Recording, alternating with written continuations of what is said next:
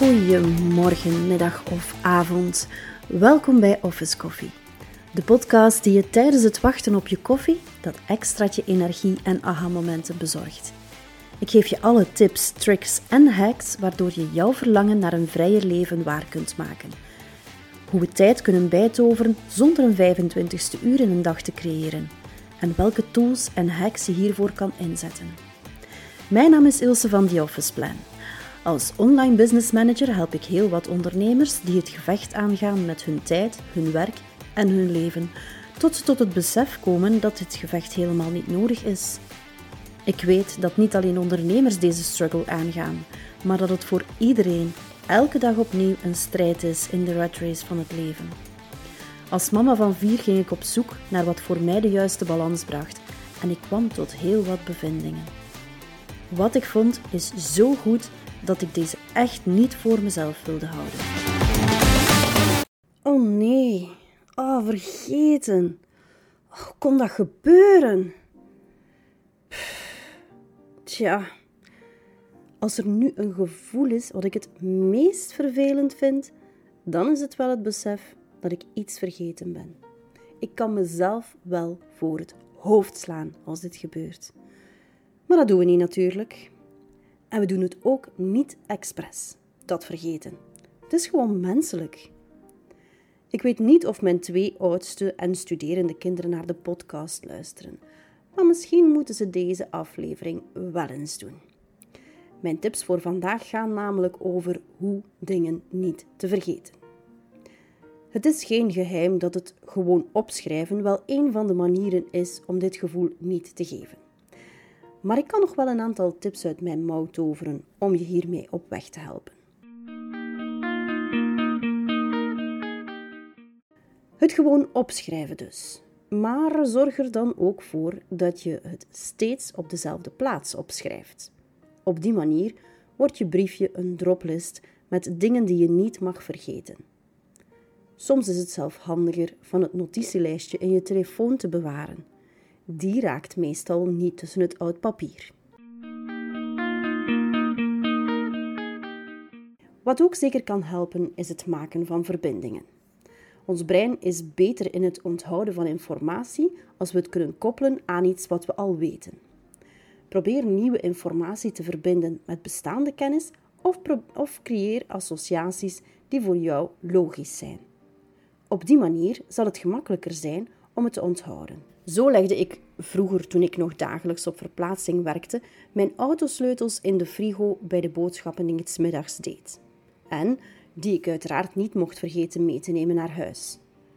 Mijn collega's die keken dan ook soms wel eens raar als ze mijn autosleutels in de frigo zagen liggen, maar ik vergat in elk geval het avondeten nooit mee te nemen naar huis.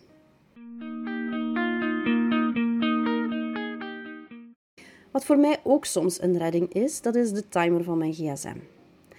Als ik bepaalde afspraken of zelf nog maar het uur dat ik de kinderen moet ophalen van school niet mag vergeten, dan zet ik de wekker van mijn gsm.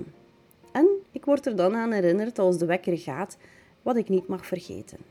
Maar ik pas het ook bijvoorbeeld toe bij dingen die ik moet doen en waar een moment aan vasthangt. Stel bijvoorbeeld, de deuren voor de ticketverkoop van een bepaald optreden gaan open op 9 juni om 10 uur. Dan zet ik dit in mijn agenda en laat ik mijn gsm ook een melding geven voor 10 uur. Tijd om klaar te zitten om die reservatie te kunnen maken.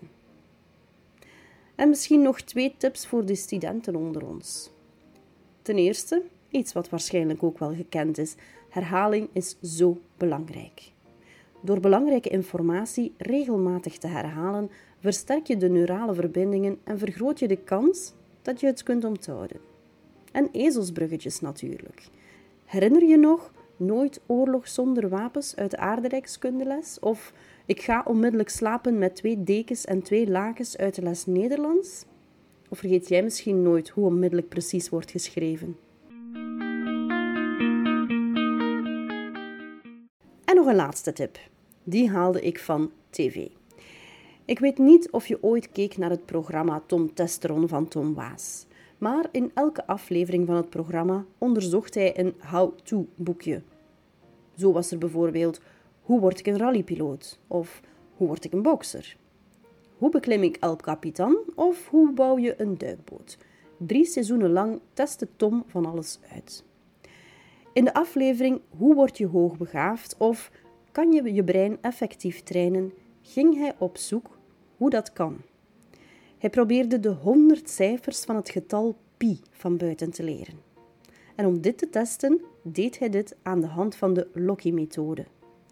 Deze techniek maakt gebruik van de kracht van de visualisatie en ruimtelijke herinnering. Je stelt je een bekende route voor, zoals bijvoorbeeld je wandeling naar het werk, en je associeert elk punt op die route met een stukje van informatie dat je wil onthouden. Wanneer je later die route in je hoofd afloopt, zul je ook de bijhorende informatie herinneren. Dat vraagt natuurlijk wel wat meer uitdaging, maar het is zeker niet onmogelijk. Wil je het bewijs zien? Check dan even aflevering 3 van het derde seizoen van Tom Testeron. Hij bewijst daar dat het kan. Uiteraard moet ik je waarschijnlijk ook niet zeggen dat een georganiseerde omgeving ook het halve werk is. Ze zeggen niet voor niets: orde in je huis is orde in je hoofd. En daar is wel iets van. Wil dat allemaal zeggen dat ik een perfect geheugen heb en nooit iets vergeet? Alles behalve. Maar door deze trucjes te gebruiken, worden de momenten dat ik iets vergeet alweer een beetje beperkter. Jij kijkt al uit naar de volgende tip? Abonneer je dan op deze podcast en laat een review achter in de app waarmee je luistert. Hoe meer reviews, hoe meer mensen deze podcast kunnen vinden. Wil je het nog even nalezen? Dat kan via de website www.theofficeplan.be/podcast. Volgende week is er een nieuwe aflevering. Heel graag tot dan!